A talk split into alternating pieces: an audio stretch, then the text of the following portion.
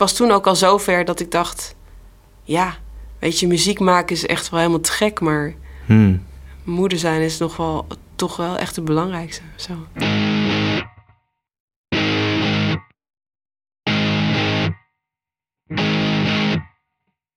Welkom bij Geluidsdruk, je favoriete podcast door, Muzikanten. voor, Muzikanten. met, Muzikanten. maar ook... Voor niet-muzikanten. Ik ben Steven Collé En ik ben Daan van Aarden. en wij bespreken het wel en wee van het muzikantschap met... Marieke Jager over professioneel muzikant zijn en ook nog moeder van drie kinderen.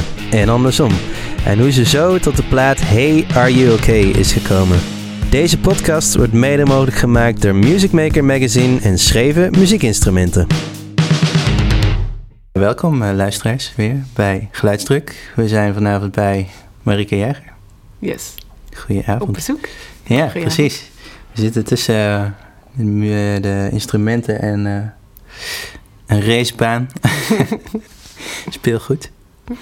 Ehm, nou, wat wij als eerste altijd vragen is, eh, waar ben je op dit moment druk mee? Ah, goede vraag. Nou, eh, we komen dus net eh, uit een eh, kerstvakantie. Eh, en dit is eigenlijk voor mij een hele gekke maand nu, januari. Ehm, ik was heel druk afgelopen jaar. Hm? En toen kwam er een tour. Een plaat kwam uit. En daarna was het, weet je wel, dan is het ineens leeg, zeg maar. Van oké, nieuwe plannen.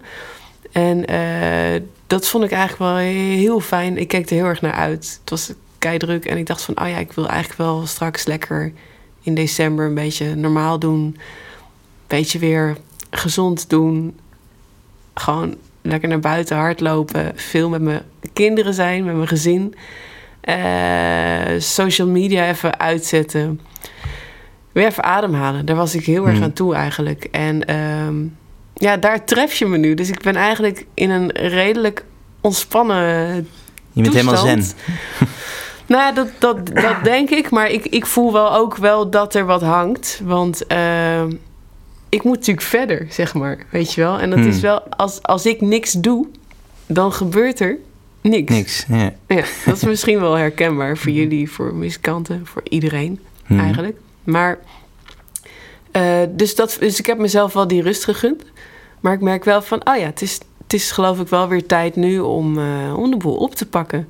Ehm, en eens te gaan nadenken hoe, hoe verder. Ehm, en er staan we, er komen wat dingen aan, dus dat vind ik wel heel tof. Ik, ik weet nu bijvoorbeeld al wat, wat mij heel erg, nou ja, waardoor ik me eigenlijk redelijk nog kan ontspannen, is dat ik weet dat ik over een jaar van nu, dat is eigenlijk al heel snel, een theatertour mag doen. Eh, dus daar mag ik invulling aan geven. Nou, dat is iets wat natuurlijk gewoon wat, wat in mijn hoofd moet gebeuren. Hm. Eh, en ik ga in maart ook weer een korte tour doen. Dus ik heb in ieder geval dingen in het verschiet, zeg maar. Dat is als muzikant heel fijn dat je Ja. gewoon eh, iets in de agenda hebt staan waar je mee bezig kan. Anders was het wel een heel donker en leeg eh, een jaar geweest. Maar goed, ik, ja, ik hang daar een beetje tussen. Tussen de Tussen rust de- en ja. de lichte paniek van... oh, wat nu? En plan je dat vooraf in? Ehm, ja, had je dat al eh, op papier toen je in aanloop naar, naar de plaat Hey Are You Okay... had je toen al duidelijk dat je, dat je deze fase in zou gaan van rust... en daarna weer in maart zou gaan spelen? En die theatertour? Eh, eigenlijk niet. Kijk, ik ging die plaat maken met het idee van... nou, we, ga- we gaan ervoor. Het wordt één groot succes. Het wordt knijterdruk. Hè. Dat wil je eigenlijk gewoon, dat je doorgaat. Dus ik, ik had geen idee. Nee, ik, ik wist gewoon die plaat komt in september. We gaan in oktober op tour. Wat daarna gebeurt, dat, dat wist ik gewoon niet, zeg maar. Dus we hebben echt wel wat successen gehad ook. Maar het is niet zo dat het nu ook heel druk is. Terwijl dat misschien wel had kunnen zijn... als ik een wereldhit had gescoord... Of eh, iets heel raars had gedaan op tv, ik noem maar wat, weet je wel. Dan blijven media heel erg geïnteresseerd. En dan Ja. ben je daar ook heel druk mee. Eh, dus ik had dit eigenlijk niet gepland. Ik wilde wel heel graag eh, de Oktobertour een vervolg geven in het voorjaar. En dat we dat nu kunnen doen is wel echt te gek. Ehm, de theatertour eh, wilde ik ook heel graag doen. En dat zie ik ook. Ik heb dat twee keer eerder gedaan met een plaat. En dat was altijd een beetje dezelfde volgorde. Van je brengt een plaat uit. Dan ga je clubs spelen, hoop je. eh, festivals. En dan misschien nog een keer clubs. En daarna ga je een soort van de diepte in met een Hmm. theatertour. Dat vind ik altijd heel bijzonder. Dus die hebben we inderdaad ver vooruit gepland. Januari 2021. Hmm. Eh, dus dat, dat komt, ja. Die, die was wel bedacht van tevoren. Ja. Ja, naar aanleiding van het release moment. Ja. En hoe, ehm, ja, een plaat is natuurlijk altijd een kindje. Ehm, nou, eh, mag ik zeggen dat het een best wel eh, experimentele plaat is voor jou? Ja, best wel, ja. Ja. Hoe, hoe was dat, eh, het maakproces, het opnameproces? Was dat eng of spannend of vooral een speeltuin? Vooral een speeltuin. Ik heb nog nooit zo relaxed een plaat gemaakt en opgenomen. Dat is best wel ongelooflijk. Want ik vind een plaat schrijven altijd echt een grote opgave. Dat gaat niet altijd vanzelf. En het moment dat je, dat je iets hebt, zeg maar, dat is dan een soort opluchting van oké, ik heb nu een houvast. En dan kan ik ook wel gaan. Maar de weg ernaartoe, als het er nog niet is, of het wringt, of ik, ik weet het al, ik weet niet wat ik wil maken. Dat vind ik echt, ja, dat vind ik heel moeilijk. Eh, dus ik ben ook niet zo'n productieve schrijver. Ik schrijf meestal alles wat ik schrijf komt. Ja, bijna alles komt op de plaat gelijk. Ik ben dan heel perfectionistisch, weet je wel. Dus ik hoor gelijk van, oh, dit is het niet, dus ik ga dan iets anders zoeken. Ehm, maar ik vind dat een, een moeilijke, moeilijke fase, het maken. En in de studio vind ik het eigenlijk ook moeilijk. Omdat ik gewoon... Je wilt het goed doen. Ik, ik wil het goed doen. Mhm. En, en daar, daar ga je al verkeerd eigenlijk. Want Ja. je moet in een studio eigenlijk ook gewoon kunnen spelen. Maar ja, weet je, de Beatles die konden drie maanden in de studio zitten. En ik niet. Nee. dus dat is anders. Ehm, maar deze plaat, die heb ik eigenlijk eh, gemaakt toen ik al een tijdje een beetje buiten beeld was. Ik werd moeder en ik had al twee kindjes. Ik had in die hele periode geen eh, muziek uitgebracht. Wel wat gespeeld, maar geen nieuwe dingen gemaakt waar dan mensen iets van vinden. En eh, toen ging ik weer maken hier, waar we nu zitten. Ehm, en toen ontdekte ik iets nieuws. En dat vond ik zo leuk. En ik zat hier gewoon in mijn eentje. En het interesseerde me ook niet, de rest van de wereld. Ik was gewoon misschien ook wel sterker omdat ik moeder ben geworden. Hm. Dat ik eh, de boel echt beter van bovenaf kan zien. En denk van ja, laat je je niet gek maken als muzikant. Dus, maar vooral dat gevoel van ik zit in mijn eentje en er is geen recensent in de buurt. Niemand zit nu op mij te wachten, want niemand weet überhaupt dat ik iets aan het maken ben. Dat werkte heel erg goed.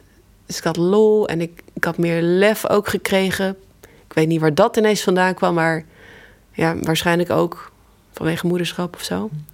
Ehm, en het opnameproces eh, ja, ging ook verrassend eh, soepel. Ik was zwanger en ik had een deadline. Ik dacht, eh, als mijn dochter komt, mijn derde kindje, dan moet het af zijn. Want als je bevalt en je gaat met het kindje voeden en zo, dan, dan eh, ben je zo weer een paar maanden verder. Dus ik dacht, laat ik dan in ieder geval dat iets afmaken. En dan voor, leg ik die, dat. eh, eh, voor die bevalling moest je eerst bevallen van de plaats. Precies, Maar, ja. En niet alleen maar opnemen, maar ook mixen en masteren. Weet je wel, Want anders weet je, je weet hoe dat gaat. Dan is die soort van half gemixt en dan... Dat, dat werkt dan ook weer niet. Dus ik, ik wilde hem af hebben en dat is toen gelukt.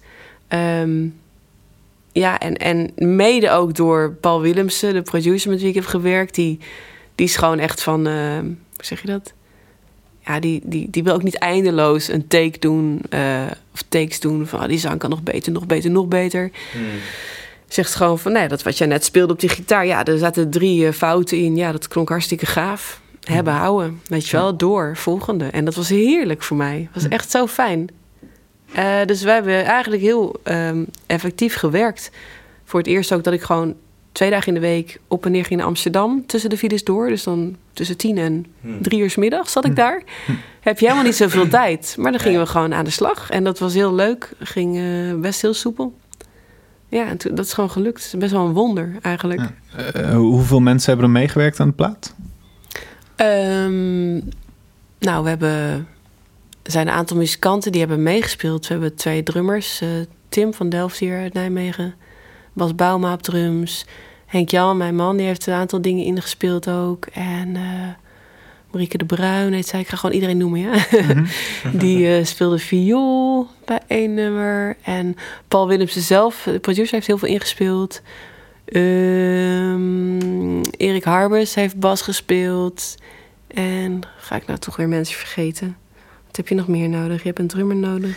Ik heb Dat is zelf. het gevaar dan, hè? Wat? dat is het gevaar dan. Ja, ja, precies. Ja. Dan ga ik vast weer mensen missen. En ik heb zelf alle gitaren gespeeld. Hm. Eh, en Paul heeft eigenlijk de rest.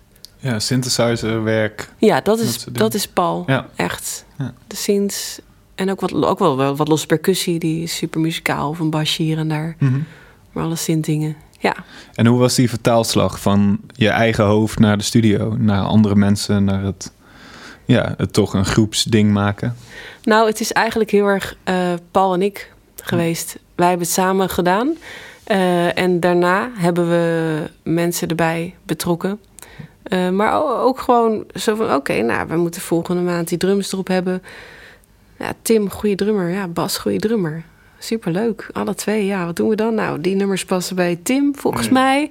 Die nummers meer bij Bas. Eh, gewoon eh, hier ook in de studio opgenomen. En ook bij eh, de Staat. En, en met Bas in Amsterdam opgenomen. Ehm, en dan heb ik gewoon meegespeeld met hun. De, de, de, de strijkers gingen op afstand. Dat is het enige wat, zeg maar, die ik nooit heb ontmoet. Marieke nog niet. En ehm, ja, dus we hebben, het- we hebben het niet als band ingespeeld. Nee. Nee, we hebben eigenlijk alles in dat hokje van Paul opgenomen. Alle gitaren, alle zang, die synths, een beetje. En, en de basis toen qua drums erbij gehaald. Ehm, en Henk Jan heeft dan nog vibrafoon hier ingespeeld. Maar allemaal zo op locatie. Het is best wel een gek proces. Heel erg stapelen eigenlijk. Ja. Dat is ook voor mij helemaal nieuw. Want ik heb inderdaad altijd met band... gewoon, wel jongens, de band loopt en eh, Ja. bijna alles live gedaan. Ja. Het is heel anders. Maar het is ook een beetje stapelplaat voor mij ook. Heel veel werd, eh, stapelde ik al in de demo's. Er zit al heel veel in... wat we ook letterlijk gekopieerd hebben. Ja, dat is altijd Ja. fijn. ja, dat is fijn, hè? Ja. Vooral omdat je dus... Dat is ook mooi, hè? Want dit gaat natuurlijk over druk. En als je een demo maakt, voel je geen druk. Nee. Tenminste, dat het mooie van een demo. Denk je gewoon vaak, zing het een keer in en dan Ja. gooi je het weg. Nou, dat bewaar je dan toevallig en dan komt het op de plaat. Hoe gaaf ja, is dat? Ja, dat is altijd tof, omdat je inderdaad... Dus dat ervaar ik dan vaak. Als je dat dan een demo maakt en dan, dan eh, zit je in een bepaalde vibe... en dan moet je dat later herproduceren en dan wordt dat toch dan Ja, niet... krijg je het gevoel niet meer te pakken. maar wat doe je dan? Ja, dan dus ook eh, dingen uit de demo gebruiken. Ja, goed zo. Als, als de bandleden daarmee eens zijn. Ja, als, als dat het toch is. Nou, je hebt, je hebt nog wel zoiets als demoitis, zeg maar, dat je het gaat overschatten. ja, ja, dat wat is je de demo waard is ja. of zo. Maar daar heb je dan je bandleden voor om dan even te zeggen van nee, nee, nee, Ja. nee, nee, nee, nee, nee, maar dat is, ja, er zit soms echt goud in een demo. Wat je gewoon niet... eh, Dat is interessant, hè? Dat je het niet kan eh, terugroepen. Echt gaaf. Het nummer San Diego is echt volledig demo. Gitaar en zang. Zat ik hier gewoon op een stoeltje. En eh, ja, ook geprobeerd nog eens in te zingen of zo. Maar dat was heel snel duidelijk van nee, dat laten we zo. Ja. En de rest erbij gespeeld. Je had het er straks over eh, dat je schrijven best wel moeilijk vindt. Ja. En dan had je best wel lange pauze eh, tussen je vorige plaat en deze. Vond je dat niet moeilijk, nog moeilijker nu dan, om, om dat weer op te pakken? Ehm, ik had ehm, gelukkig, want ik heb het dus niet voor het zeggen wanneer ik iets schrijf, helaas. Je van die mensen die gaan gewoon zitten en die maken dan mooie dingen. Eh, zo werkt het bij mij niet. Het moet echt komen of zo. Eh, maar ik weet inmiddels wel dat ik ervoor kan werken. Dat ik gewoon kan gaan zitten en, en, en meters maak. En, dus dat, dat doe ik wel meer. Maar eh, ik heb wel een beetje die, die sparkle nodig dat je voelt dat je weer gaat kwispelen van oh ja, er is weer iets of zo. Hè? Dat je, en ehm, ik, ik voelde dat, ik, ik, gelukkig kwam dat na een paar jaar, want ik werd dus moeder in 2014, september was dat. Nou, toen heel lang niet zo naar die gitaar omgekeken. Ehm, niks geschreven, wel opgetreden, wel een paar leuke dingen gedaan. Ehm, maar ik denk dat in 2000, ik roep maar wat, 17 of zo. Ja, toen, toen kwam het weer. Hm. Toen voelde ik ook wel van, nou ja, ik, ik wil graag wel weer terug. En ik geloof dat er weer wat, eh, wat zit of zo. Dat ik ook merkte dat ik af en toe ging zingen bijvoorbeeld. En ik zing echt nooit onder de douche of weet ik veel, in de bus of ergens naartoe. Maar dat, dat begon. Heb ik, echt, ik heb mezelf ook nooit een zangeres gevonden. Maar blijkbaar heb je een soort van behoefte in je om toch wat te zingen. En zo werkt het denk ik ook met liedjes schrijven. Eh, dus er kwam weer wat. En ik had ook zin om voor mijn zoons, twee zoons. Ik dacht van ja, die jongens moeten gewoon ook straks eh, naar mama op oranje pop, weet je wel. dat leek me super cool. En eh, toen begon ik weer. En Jan die zei toen tegen mij van ja, jij schrijft, die, die noemde dat een keer van jij schrijft altijd langzame liedjes. hartstikke mooi hoor, maar langzaam. Alles, bijna alles in mineur. En heel veel driekwarts. Was een soort reflectie van eh, mijn platen. En dat vond ik wel heel treffend. En zette mij wel aan het denken toen. En eh, nou, ik had toen gewoon echt, echt de festival-energie ineens. Wat ik nooit eerder heb gevoeld. Ik was knijtermoe. Weet je wel, slapeloze nacht al een paar jaar. Maar toch gewoon de energie om eh, iets anders te willen maken. En met, ja, met die opmerking van Jan heeft dat nog wel meer aangezwengeld. Want normaal als ik hier ga zitten, weet je, wij zitten hier nu met een schemerlamp in een grote studio. En als je hier nu een gitaar op schoot neemt, dan... Ik heb niet, niet van nature dan de neiging om iets heel erg up-tempo's te gaan maken en heel hard te gaan zingen. Hmm. Weet je, er wonen hier mensen naast en zo. Maar eh, ja, toen, ik heb vooral overdag gewerkt. Dat heeft misschien ook wel uitgemaakt. Omdat ik s'nachts gewoon wilde slapen. Dat was heel nieuw. Eh, dus dat overdag werken heeft geholpen. En het feit van dat ik de kinderen even kon loslaten, de deur dicht kon doen. En toen, dan voel je ook echt wel van, oh ja, nu moet het gebeuren. Ehm, ja, dat, daardoor ging ik andere dingen maken. En ik had al heel snel, en dat, daar ben ik heel dankbaar voor, al heel snel iets te pakken waarvan ik dacht, dit wil ik maken. Ik heb altijd één nummer nodig of een idee waarvan ik denk, oeh, dit, dit vind ik zelf heel gaaf. En als ik dat dan uitwerk en het, het wordt af, zeg maar, dan ben ik super gelukkig. Want dan, ja, dan is die binnen, dat nummer. En dan, dan, dan ben ik niet meer zo, eh, zo paniekerig over de rest of zo. Dan weet ik, kapstok, eh, ja, ja, precies. Welk nummer was dat? En Hey Are You Okay? Dat was eh, echt, echt het eerste ding. En dat is, ja, uiteindelijk heeft die plaat ook die titel gekregen. Niet voor niets, denk ik. Dat is echt mijn kindje geweest. En vlak daarna kwam The Burning Sun. En dat, dat heb ik ook nog nooit meegemaakt... dat ik zo snel vrolijk werd van een schrijfproces. Ehm het was namelijk zo, ik zat hier in de studio... en wij hebben eerder een theatertour gedaan... waar we heel veel spullen op het podium hadden staan. Heel veel machines. Ehm, de maker van de machine van de staat... Dat is Hmm. Geert Jonkers, de audiomachinist heet hij. Eh, die heeft toen eh, voor mijn theatertour een heel soort decor aan eh, audiomachines gebouwd. Waarmee we muziek konden maken en die bewogen. En dat nou, is mooi om naar te kijken en mee te werken ook. Ehm, die spullen stonden al een tijdje bij ons in de schuur. En daar moesten nu kinderfietsjes staan en eh, dat soort spul. Dus die schuur moest gewoon leeg. Ehm, en natuurlijk, ja, dat wil je niet wegdoen, maar de Hmm. audiomachinist eh, gaat het hergebruiken. Dat is fijn. Doet mijn eh, hart goed. Maar het moest er dus uit. En dat was een middag. Toen zei ik van laten we dan even alles hier binnenhalen. Want ik was dus net weer begonnen met die plaat aan het schrijven. Hebben alles hier in de studio gezet. En toen heb ik eh, voor het eerst in mijn leven geluiden gesampled. Ehm, Hmm. Gewoon met deze microfoon of deze die hiervoor ligt. Ehm, alles even opgenomen. Ehm, alle, dat was veel hout, eh, oud ijzer ook, eh, raspgeluiden, eh, schurend, een boom in allerlei boomklanken die je maar kan voorstellen. Een grote pan die een heel breed galmend geluid gaf. Alles. Ik had heel veel geluiden, had ik allemaal in mijn computer gezet. En toen eh, ontdekte ik die reverse knop. Toen had ik één boom die ik heel mooi vond. En die draaide ik om en die zette ik onder elkaar en had ik ineens een groove. Hmm. Zo begon de groove van The Burning Sun. En het was echt waanzinnig, want ik had het gewoon nog nooit gedaan. En toen was ik helemaal eh, opgewonden. Dus ik ging door en dat werkte. Weet je, het kan honderd Ja. keer misgaan, zoiets. En meestal gaat dat mis, denk ik. Maar blijkbaar zat ik ergens op een goede golf. En eh, had ik gewoon iets wat ik zelf heel tof vond gemaakt. Ehm, nou, toen heel, iets heel anders ook dan wat ik normaal op een gitaar zou kunnen maken. Want ik heb nooit echt vanuit een groove iets gemaakt. Wel een groove op mijn gitaar, maar niet, niet zo duidelijk als nu. Ehm, nou, dat maakte dat ik anders moest gaan zingen. En dat vond ik heel leuk. Ik moest echt gaan Hmm. zoeken naar van... oké, wat hoe ga ik mijn stem hier gebruiken?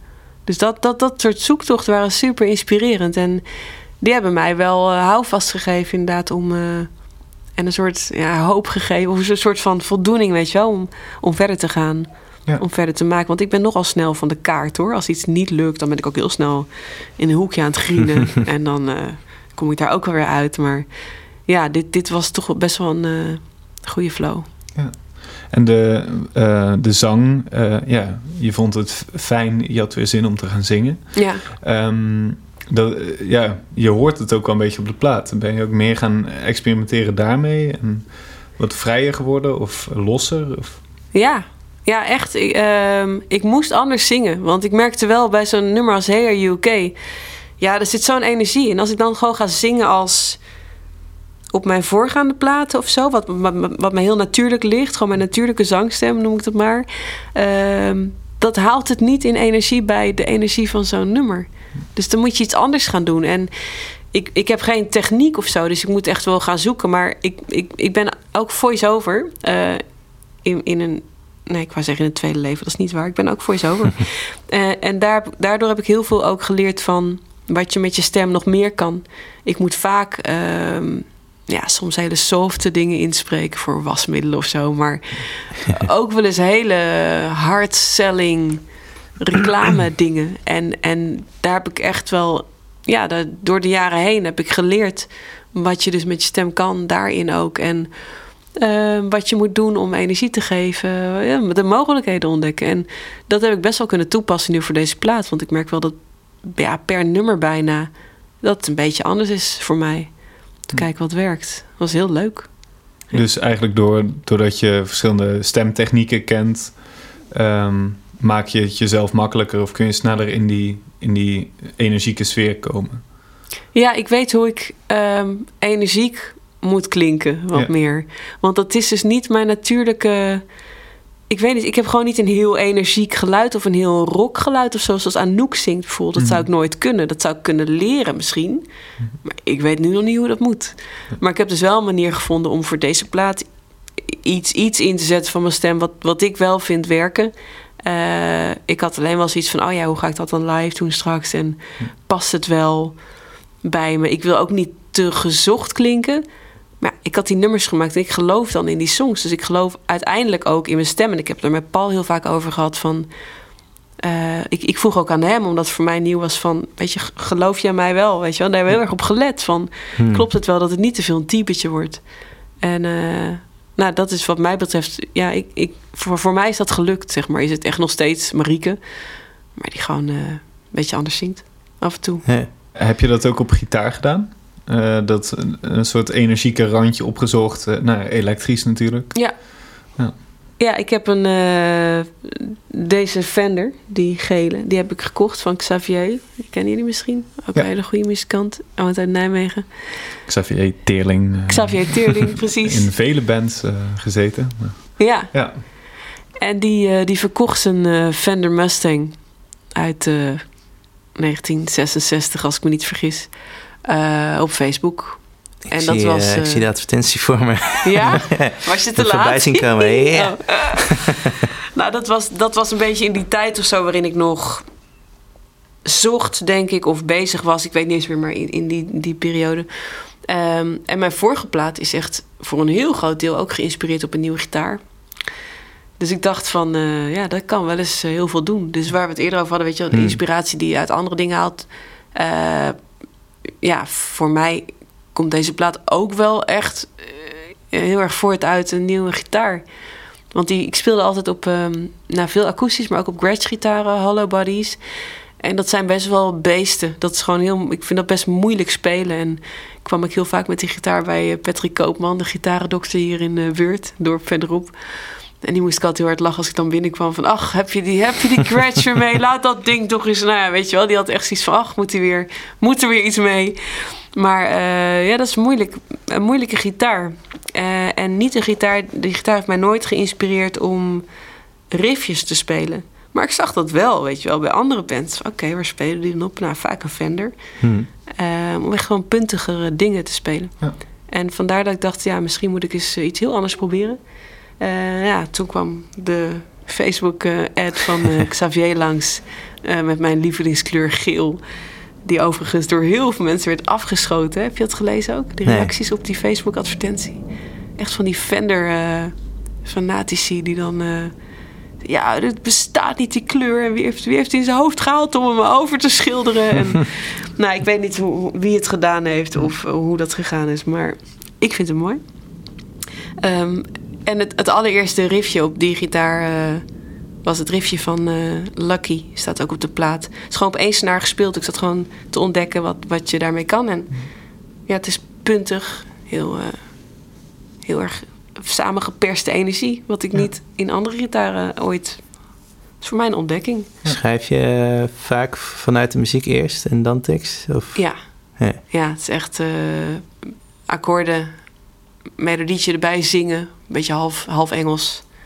En dan later pas de tekst. Dan is het wel heel fijn dat je aan het begin van het proces zo'n meevaller, zo'n technische meevaller hebt gehad van die Ja. samples en zo'n gitaar. Ja. Dan, ja, dan eh, krijg je ook alleen maar meer zin, lijkt me. Ja, dat helpt enorm, hè? En, en ook het Logic-ding, denk ik, dat ik daar anders mee kon opnemen. Mhm. Ja, dat heeft allemaal heel erg geholpen. Maar het was misschien als ik, ja, als ik twee jaar daarvoor of zo die Fender had gekocht, was het misschien, nou weet ik niet, was het anders gegaan. Mhm. Er er hebben wel echt een paar jaar tussen gezeten dat ik dus ook echt niks te zeggen had tegen die gitaar. Ja. Wat best wel beangstigend is ook. Ehm, maar ja, ik vond het dus niet erg omdat ik genoeg om handen had. Ik was moeder, dus het was allemaal anders en er was genoeg te doen of zo. En ik had die paniek nog niet. Toen nog niet. Heb je eh, eigenlijk dan van tevoren besloten, toen je voor deze keer zwanger werd, van ik ga even een pauze nemen? Of? Ja. Ehm, om, je bedoelt als je dat toen ik zwanger werd en een kindje had, dat ik dacht van nu ga ik even voor het kind ja, omdat, zorgen. omdat en, die, eh, eh, die jaren ertussen zitten, dus die twee platen. Ja. Drie kinderen, geloof ik. Hè? ja.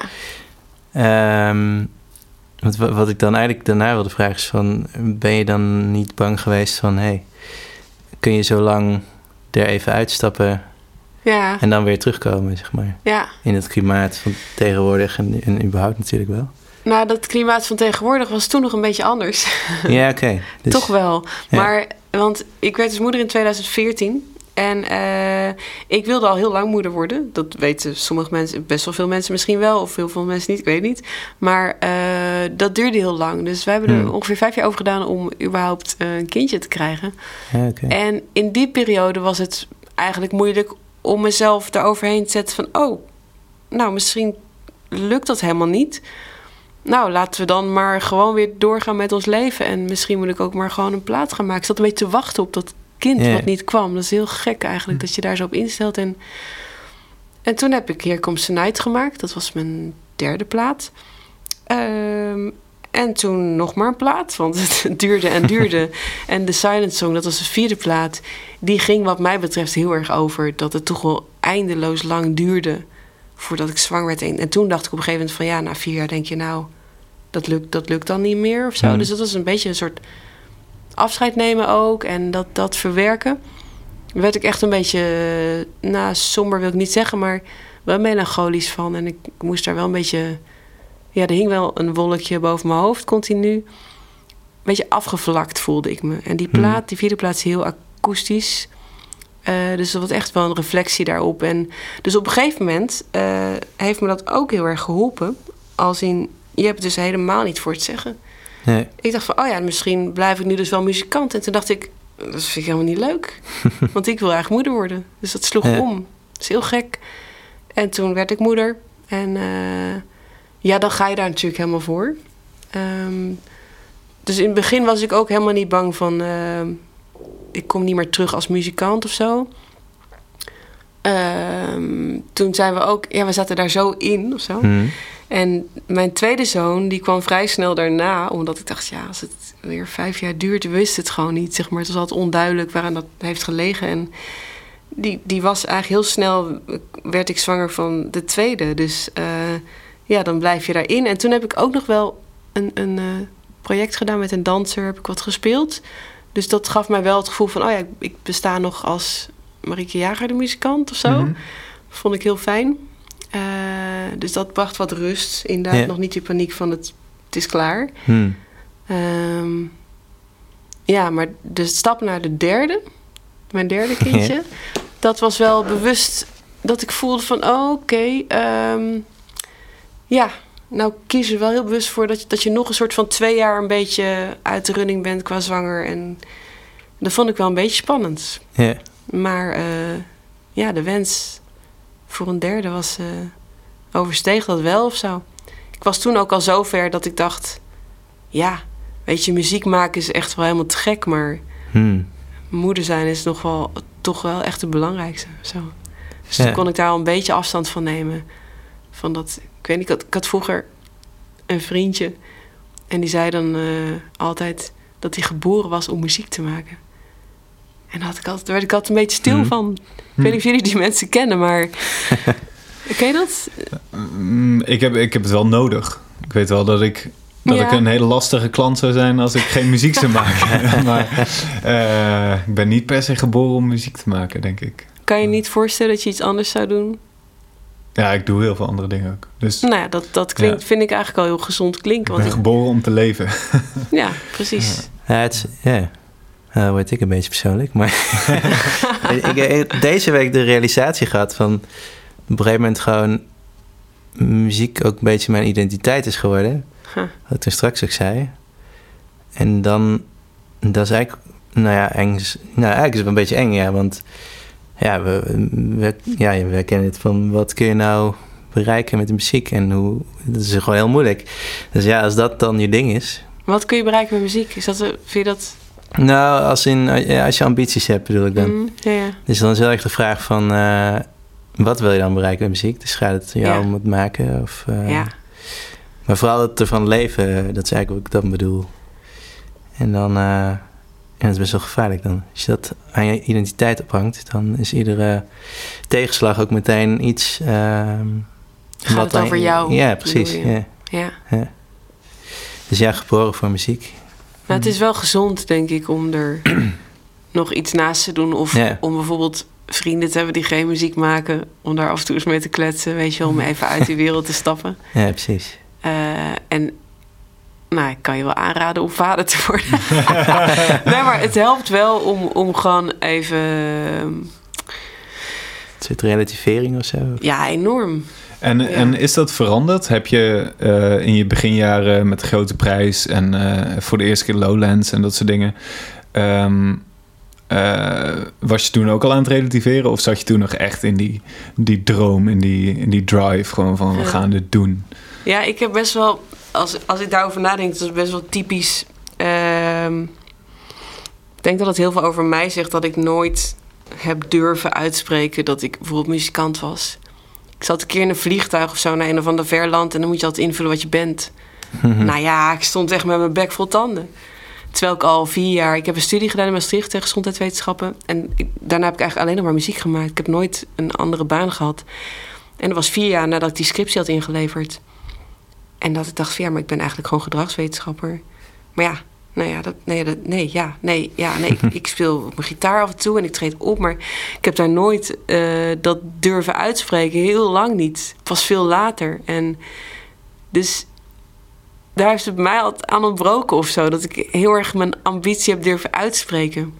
Ehm, op een gegeven moment was het gewoon mijn vak. Omdat ik inkomen had uit de muziek. Hmm. En ervan kon en, en kan leven. Ehm, maar ja, ik ben altijd een beetje soort van bescheiden geweest. Of misschien voorzichtig. Of misschien had ik gewoon het lef niet om, om te roepen... ja, ik wil op Lowlands. Nee, wij wonnen een Ascent Award en konden toen op Lowlands spelen. Ik was dolgelukkig. Hmm. Weet je wel, je had mij moeten zien naar die show. Dat was echt waanzinnig. Maar ja, je hebt van die mensen die, die roepen dat, weet je wel. Ik wil op Lowlands spelen. En die zijn nog piepjong, die hebben nog amper een liedje geschreven... en die weten gewoon dat ze dat willen. En Hmm. ja, dus ik heb altijd van die onuitgesproken ambities of zo. Altijd. Maar wel, wel altijd hard gewerkt met, met wel een, altijd een hoger doel. Ja. Ja, je gaat er wel voor. Maar Ja. ehm, het was in het begin wel, wel heel anders, ja. Omdat ik dus inderdaad nog voelde van... ik ben net afgestudeerd, maar dit is heel anders. En wie ben ik nou, wat kan ik? En ja, maar e- ergens... Ik denk dat wat mij heel erg, eh, voor mij heel erg een houvast was... is dat ik heel erg bij mezelf ben gebleven. Ik werd erg ongelukkig als er mensen waren die mij een andere kant op trokken. Hmm. Dat begreep ik niet. Daar werd ik alleen maar verdrietig van. Ik snapte daar niks van. Inmiddels wel natuurlijk. Ik snap ook dat mensen je graag een kant opsturen omdat ze je echt willen helpen, bijvoorbeeld. Ja. Maar dat heeft voor mij eh, altijd averechts gewerkt. Dus Ook heb muzikaal bedoel je? juist muzikaal. Ja. Ja. Ja. Ik werd ook na de grote prijs gelijk gebeld door een, een platenbaas. En die, die heeft mij echt ook willen helpen. En die heeft mij best wel commercieel willen sturen. En ja, dat is natuurlijk helemaal gaaf ook. Maar ik begon net met schrijven. En ik, ik hoorde mijn liedjes terug en ik dacht... Ik, ik, ja, dat, dat snapte ik gewoon helemaal niet dat dat... ehm, Hmm. dat was niet wat ik wilde. Alleen ik, ik voelde dat wel, maar ik kon dat helemaal niet begrijpen of zo. Ja. Dus dat, dat, dat resulteerde eigenlijk alleen maar in van... oké, wij gaan niet samenwerken, want er klopt iets niet. Dat was niet leuk. Dat is dan moeilijk of zo, maar... blijkbaar moest, je heel erg on- moest ik heel erg ontdekken wat, Ja. wat ik... eh, Lijkt wel een moeilijke keuze. Want het is natuurlijk wel een grote kans, zoiets, als iemand zoiets aanbiedt. ja, En dan moet je Ja. afwegen van... Hmm, zeker Ja. als je dan met, begint met liedjes schrijven... misschien nog stemmen aan het zoeken bent. ja, heel erg aan het zoeken. Maar het was gewoon ook op het moment zelf, zeg maar, dat ik die liedjes speelde. En dan met, met een band, verzamelde band Mhm. eromheen. Allemaal hele goede muzikanten. en klonk fantastisch, weet je. Ik dacht van, oh, dit is echt, kan je meezingen bijna en zo. En, eh, en dat ik het toen tof vond. En toen reed ik naar huis. En toen was ik ineens heel verdrietig. En ik begreep, ik snapte het niet goed, maar... Mijn maag. Ehm, maar ja, dat, dat gewoon nog veel te pril. En ik was eigenlijk, ik was toen al, een, al eh 21, zeg ik dat goed? Ja, Hm. heel erg laadbloeier. Ja. Echt een gevoelsmens. Het mij heeft mij echt heel erg moeten indalen allemaal. Ja. Past in dat patroon ook dat je dan met Henk Jan die, dat eigen label, eigen plek, ehm, dat je ja, nog meer behoefte eigenlijk hebt om naar jezelf te gaan luisteren en ja, Ja, naar je eigen omgeving eigenlijk. ik denk het wel. Ja. Ik denk dat dat... ehm, ja, wij zijn dat vanaf toen eigenlijk echt samen gaan oppakken. Samen gaan zoeken naar eh, mensen om mee te spelen, eh, om mee te werken ook. En weet je, eer- eerst denk je ook van, ah, je bent eigen, ik heb vaak over nagedacht, ben ik dan te eigenwijs, ben ik te kritisch? Ja, ik denk wel dat ik eigenwijs ben, maar dat klinkt dat zo negatief. Ik vind dat ook wel weer heel, vond ik vroeger altijd heel moeilijk, maar ik geloof dat ik dat nu een hele goede eigenschap vind. Eh, kritisch, ja, ook, ook zo eentje, maar vind ik tegenwoordig ook in de categorie, nee, goed, weet je. Ehm, maar ik heb wel gewoon door de jaren heen geleerd dat je dus wel de, met mensen moet matchen met wie je werkt. En er zijn heel veel mensen met wie dat dus niet lukt, maar er zijn ook mensen met wie dat wel lukt. En die heb ik hier en daar wel gevonden. En dan is het wel te gek. Ja. Zo. Gelukkig heb ik die gevonden. Je zei toen eh, net ehm, dat het klimaat toch wel veranderd was. Van eh, hoe heeft het eruit voor jou? ja, waar ging dat? Wat, wat zei je ook weer van? Ja, voor, ehm, voor de kindjes in de lange pauze kwam je terug. Ja, en dan in de muziekindustrie. Ja, precies. Ja, nou ja, 2014, mijn laatste plaat. Toen was er, eh tuurlijk, je had dan... Ik zat nog niet op Instagram toen. Jullie, was dat toen al? Nee. Nee, nee, nee. Ik niet. Nee. Ik ook niet. En, en Spotify was natuurlijk wel, maar dat hele ge, ge, geheig over streaming bijvoorbeeld. Mhm. Nou, dat was toen nog niet. Nee. Toen werd je gewoon nog geboekt door programmeurs omdat ze het tof vonden of zo. Ja, Maar nu, is het, nu gaat het echt om de cijfers. is dat helemaal heb niet ik- lang geleden dan eigenlijk, hè? Als je Nee. dat zo eh, zegt. Nee. En Instagram ook. Ja, hoeveel volgers heb je? Hoeveel, nou, niet hoeveel volgers, maar hoeveel wordt je gestreamd? is volgens mij super belangrijk. Ja. En ik heb die boot van dat Instagram en die streamings gemist. Omdat ik in die tijd stil was. En als je dus... Tenminste, zo dacht ik voor mezelf... Oh ja, dan als je dus later op Instagram gaat... Iedereen heeft dan al zijn, Hm. zijn clubjes. Wie volg ik? En dat stopt dan op een gegeven moment, toch? Af en toe komt er een bij. Maar volgens mij ga je in het begin vooral op zoek naar wie je volgt en niet. Ja. Ja. Eh, dat dacht ik van, oh ja, hoe kan dat? Hoe kom ik nou weer op dat Instagram nu? En hoe doe ik dat dan met streamen? En ja, dat is, dat is heel erg veranderd. Dat nu die focus daar zo ligt, daar schrik ik echt van. Het gaat En- helemaal niet meer om wat je maakt. En je hebt daar wel steun het. in gekregen, toch? Via Upstream of eh, via dat platform? Of, Eh, om op social media, wat ja, wat of de je? promotie in, eh, inderdaad weer in de molen te komen of zoiets. Nou, nee, dat niet. Eh, het Upstream Fonds hebben wij kunnen inzetten voor de tour. Voor Ah, de promotie van de tour. Dus dan, dan heb je het wel inderdaad over adverteren, bijvoorbeeld op social media met je tour. Mhm. Maar gewoon echt het. het ja, je kan er niet voor zorgen dat je. Je kan geen streams kopen. Ja, dat kan vast wel, maar ik. dat vast wel, maar. Nee, dat niet, niet op die manier. Nee, je, precies. niet, niet qua volgers of streams of zorgen dat je gezien wordt. Nee, ja, nee. Dat, ik, dat vind ik best wel een, eh, een grote verandering, ja. En voor luisteraars en ikzelf die niet weten wat upstream is. Kort, eh, Ja, het is een, een fonds eh, waarin je begeleiding krijgt of hulp ja, of geld. Wat, wat Ja, Upstream ze? is, is vooral gericht op eh, mid-career artiesten. En dat is nieuw, want eh, mensen worden altijd heel erg opgewonden van jong talent, nieuw talent, hm. talent van ver weg of hè. En dat is heel goed. weet je wel, dat je jong talent kan helpen. Maar daarna, dat is Ja. voor de meeste bands om mij heen ook, de meeste mensen die ik spreek, is gewoon eh, ja, moeilijk. Wat, wat doe je dan als je die tweede plaat hebt uitgebracht en het wordt ineens. Mid-career crisis. Ja, nou eigenlijk eh, is dat het. En, en er zijn heel veel muzikanten die gewoon eigenlijk wel steeds mooiere dingen gaan maken, maar die, die niet meer interessant zijn voor de media, omdat ze al drie platen, of zoals ik, heb Hmm. al, dit is mijn vijfde. Eh, maar je ontwikkelt je nog wel. En dan is Ja. het super gaaf, vind ik, dat er nu een fonds is die dus stimuleert dat je dus. Want als het goed is, wil je gewoon je, je band en je muzikanten.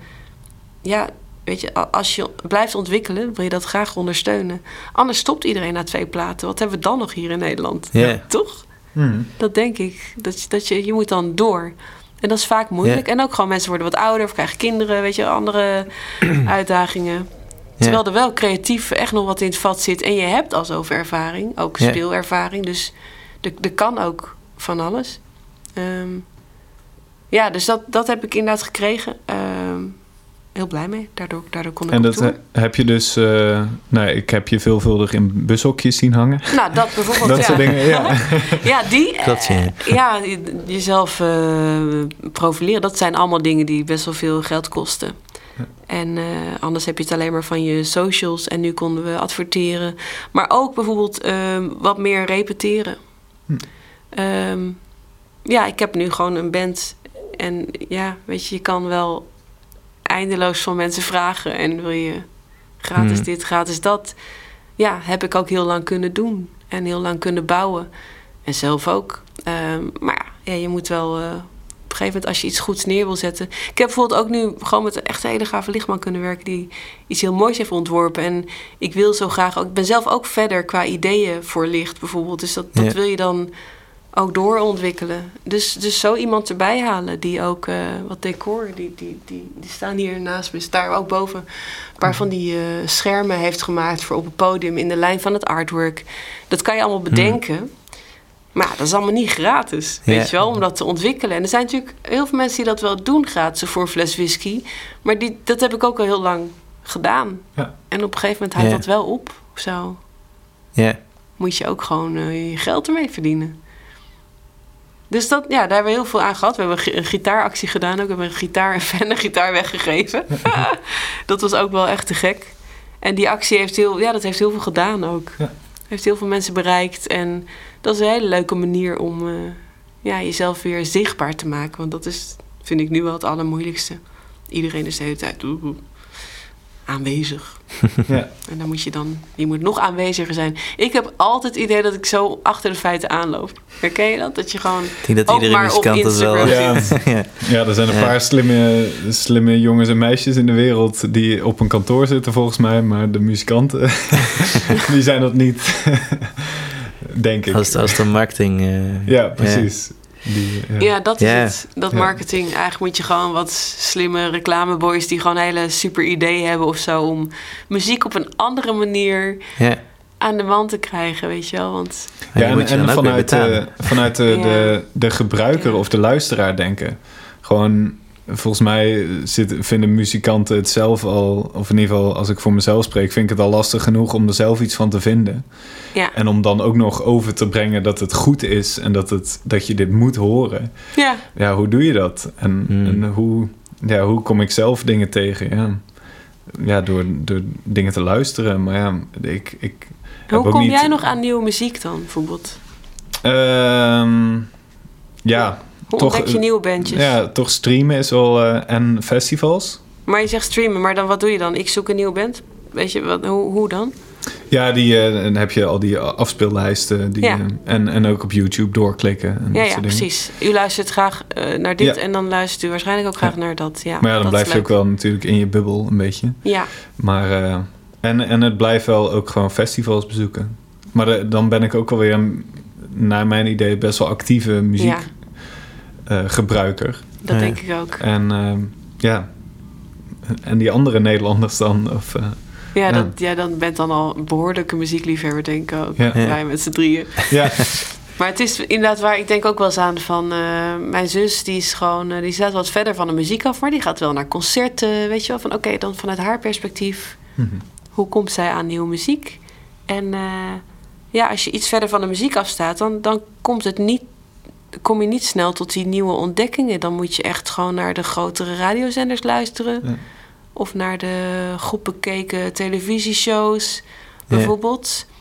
Eh, en wat heel goed werkt volgens mij is dat je van vrienden tips krijgt. Maar dat, die, die wegen, ja, kom dan maar eens op, in die televisieshow. En eh, Ja. ik ben natuurlijk vroeger wel, eh, vroeger zeg ik nu ah, voordat ik moeder was, best wel ja, een paar keer in de wereld door geweest. Dat deed altijd heel erg veel. Dat is nu wel veranderd ook, volgens mij.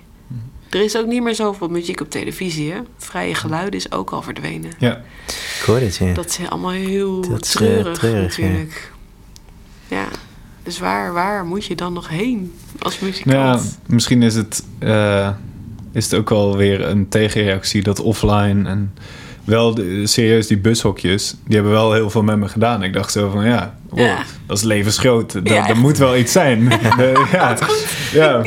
Ik weet niet, ik hou ook nog steeds heel erg van posters plakken als we maar ergens kende gaan jij spelen. mij voor de bushokjes ja, niet? ja, jawel, zeker. Ah, ja. Maar wel, ehm, als ik aan Marieke Jager dacht, dacht ik niet aan knalgele letters en, Ja, ja. en een, eh, een shot recht in de camera. En Ja, een ja. soort, ja. je en dacht eh, wel zo van dit in je is face. iets, iets... Ja, ja. Ja. Eh, En ik- het feit dat het een ja. bushokje poster was? ja, super vet. Ja, ik vond dat ook. Ik zat Ja. hier thuis echt van nee, kom op. Ja, Echt, hoe gaaf is dat? zeker. Dat maakt dus indruk, blijkbaar. ja, toch? op mij wel. Ik Ja. vind het wel vet. Ja. Ja, En, eh, en je ziet het ook niet meer zo heel vaal, vaak voor muziek. nee. Heel soms dat je nog op het station eh, ja, een of andere megaplaat voorbij ziet komen. Maar Ja. Echt zelden. Dus, ja, dat is eigenlijk best wel bizar. Ja. Ah, leuk. Ja. Geslaagde actie dus. ja, ja. Ja, zeker. Eh, je zei net, eh, ja, en, en iedereen wordt dan ook ouder en ik krijg weer met kinderen. En dat is bij jou natuurlijk zo. Ja, ja, niet bij Ah, iedereen. je- en je bent er ook weer veel aan het spelen. Is dat, eh, is dat een beetje te doen? Hou je dat een beetje vol? Ja, nou ja, kijk. Ik ben samen met Henk-Jan, Henk-Jan Heuvelink. En die is ook muzikant. Hm. Wij hebben 15 jaar lang samen muziek gemaakt. Altijd samen op pad. Samen naar Lowlands. Echt de mooiste dingen meegemaakt. En toen kregen we kinderen. En eh, ja, dat, dat is dus het erge. We zijn alle twee muzikanten. Ja. Dus, eh, en, en ook een beetje met de dag of zo leven wij. Dus op een gegeven moment denk je, oh wacht even, ik ben zwanger. Eh, hoe gaan we dat dan doen als ik dan... Wacht even. Henk Jan, we, we kunnen eigenlijk helemaal niet meer samen in een band. Weet je wel, echt best wel naïef ook of zo. Hmm. Maar dat overkomt je dan van, jeetje, oké. Ah, dat kan toch wel. Nou hebben we inderdaad gedaan. We hebben getoerd met Toets, de oudste. Die is meegeweest op tour. Heel bijzonder. Eh, maar bij een tweede kindje kan dat eigenlijk niet. Want Hmm. dan willen kind, kindjes gewoon, weet ik veel, lopen en zo en dingen doen. Ehm, dus eh, moeten we dat nu... Ja, we zijn dat eigenlijk nu aan het ontdekken. Ja. Om en we realiseren ons, we hebben gewoon veel minder tijd. Want ehm, ja, er is gewoon veel minder tijd. Er is, er is altijd wat met kinderen, en zeker met drie kinderen. Eh, en ze gaan ook naar de opvang, dus dat wel. Maar het is, het is nu ontdekken. Het, is, het, het moeilijkste is denk ik ehm, om daar relaxed onder te blijven. Dat je altijd maar denkt van oké, het komt goed, het komt goed. Eh, ik ben heel vaak heel moe.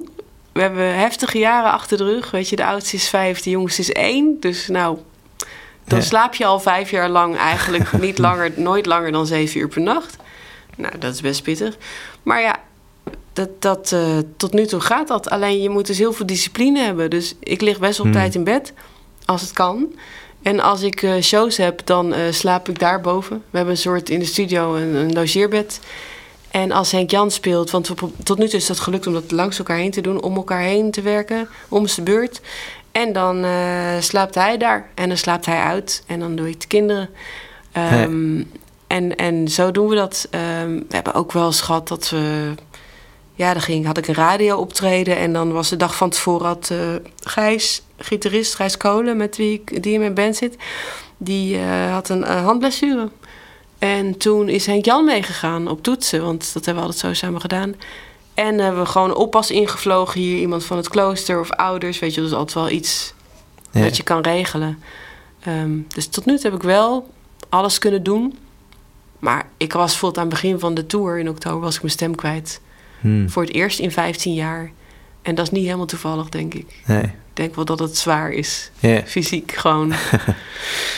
Ehm, maar ja, tot nu, tot nu toe lukt dat dus. Alleen hoe het de komende vijf jaar eruit ziet, heb, ik heb geen idee. Hm. En Jan ook niet. Wel Geen gaaf idee. dat je eh, dan wel die creativiteit nog hebt om, om zo'n plaat te maken. Ik kan me ook voorstellen Ja. dat je dan... Oké, nu heb ik tijd. En dan ben je gewoon moe en dan Ja, moet je toch iets gaan schrijven. ja ik, ik, ben, ik vind dat best wel een wonder dat dat gelukt is, eigenlijk. Eh, en ik, ik hoop, nou ja, weet je, als je het dan hebt over ambitie, dat, dat ik dus wel dat nog eh, weer kan opbrengen ook, of wil opbrengen. De vraag is ook, wil ik dat weer? Ja. Ehm, Nou, je hebt, je hebt nu ook eh, wel die tour nog in maart, die theatertour. Dus Ja. of je nou wil of niet, eh, je gaat nog sowieso even door. Ja, en, en spelen inspireert het meest Hm. eigenlijk. Ja. Dat is heel leuk. Want schrijven is leuk en studio, maar door, het- door het spelen krijg je gewoon, voel je wel weer van, eh, voel ik wel weer waarom ik dat doe. Zo. Ik heb komend weekend toevallig heel erg onder de radar en in de podcast nu een, een, een huiskamerconcert. Gewoon omdat ik af en toe ook nodig heb om gewoon even weer te spelen. Weet je wel, heel basic gitaartje mee. Eh, en dat, dat is wel belangrijk om gewoon weer te voelen van... oh ja, ik ben dus ook nog muzikant. Ah, Ja. nu zeg ik het hardop. Ja, ja dat, eh, en dat inspireert misschien weer om eh, iets te maken. En het leuk, kinderen brengen ook heel veel. Hè? Die hebben bijvoorbeeld... er staat hier, moet je, daar staat een, een soort blauw... Oh, foeilelijk plastic speelgoed pianootje. Heb je die al gesampled? Nou, Nou, ja, daar moet ik dus nu niet te veel over gaan uitspreken. Want ik leg mezelf dan gelijk druk op. Hè? Dat wil ik dus niet. Maar ergens in mijn hoofd speelt wel... Ik heb daar geluiden uit horen komen. Door mijn kinderen. En beats. Dat je denkt van, nou, er zit wat in. Dus dat, dat wil ik toch wel gaan proberen. En dan moet ik dus geen verwachtingen van hebben. Want verwachtingen, dat gaat bij mij mis. Ja, Maar gewoon een keer zo tussendoor... nonchalant kijken wat daarmee kan. Dat is leuk. En dat krijg je dan gewoon cadeau van kinderen. Dat vind ik ook gaaf. Omdat ze dat doen. Of een racebaan gebruiken als looper. Ja, als loop. Ja, precies. Ja. Woe, woe, woe, woe. ja, dit... eh, Kan zo maar eh, werken. die volgende plaat, ik hoor hem al. hè? ja, Lachen. als je het over een speeltuin hebt, eh, Ja. maak er maar echt een speeltuin van. Ja, dat is het wel een beetje. Ja. nou, gaaf. Dan eh, laten we jou denk ik alleen met het speelgoed. En dan eh, wensen we jou heel veel Ja, plezier ermee. Een hele goede nacht. ja. Dankjewel. Ja, jullie bedankt. Leuk.